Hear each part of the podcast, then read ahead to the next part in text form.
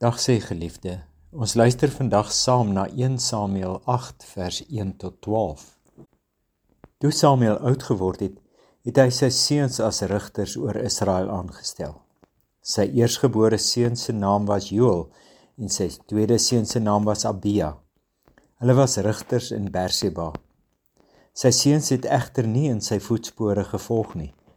Hulle was uit op winsbejag, het omkoop geskenke aanvaar en het die reg verdraai. Al die oudstes van Israel het toe byeengekom en na Samuel in Rama gegaan. Hulle het vir hom gesê: "Kyk, u het oud geword en u seuns volg nie in u voetspore nie. Stel dan nou vir ons 'n koning aan om oor ons te rig, soos dit by al die nasies is." Dit was egter verkeerd in die oë van Samuel dat hulle gesê het: "Gee vir ons 'n koning om ons te rig." Samuel het toe tot die Here gebid. Die Here het vir Samuel gesê: Luister na die volk in alles wat hulle vir jou sê, want dit is nie vir jou wat hulle verwerp het nie, maar my het hulle verwerp om oor hulle koning te wees.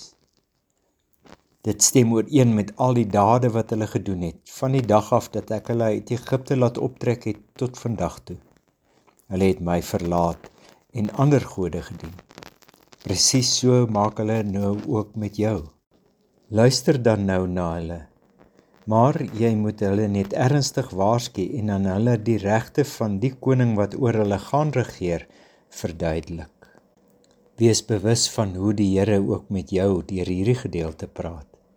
Stop hier om net so tyd saam in gebed teenoor die Here deur te bring. Wat 'n ontnugtering is dit nie vir Samuel nie. Sy seuns volg nie sy voorbeeld nie. Wat doen Samuel?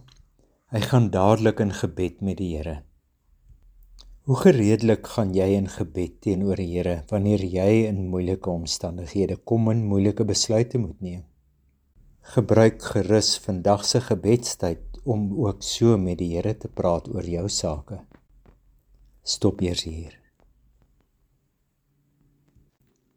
Die Here se reaksie is opvallend. In plaas van seergemaak en kleinserig te wees, sê hy, so ken ek hulle. Hulle verwerp nie vir jou nie, maar hulle verwerp vir my. Treffend dat die Here dan ook hulle nikke en grille volg. Die Here sal ook die konings wat oor hulle regeer kan gebruik sodat hulle instrumente in sy hand is. Hulle is tekens dat die Here eintlik die groot regerder is kan jy die Here se heerskappy in die doodgewone mense rondom jou raak sien. Maak tyd om met die Here te praat oor hierdie mense in jou lewe. Dan kom vir hulle. Stop weer hier. Samuel kan dink dat die Here hom nie meer kan gebruik nie. Maar tog, so sal ons sien, gaan sy werkring net verander en die rol wat hy speel gaan verander. Tog sal die Here hom nog altyd gebruik, want die Here is die standvaste regerder. Mense is in sy diens.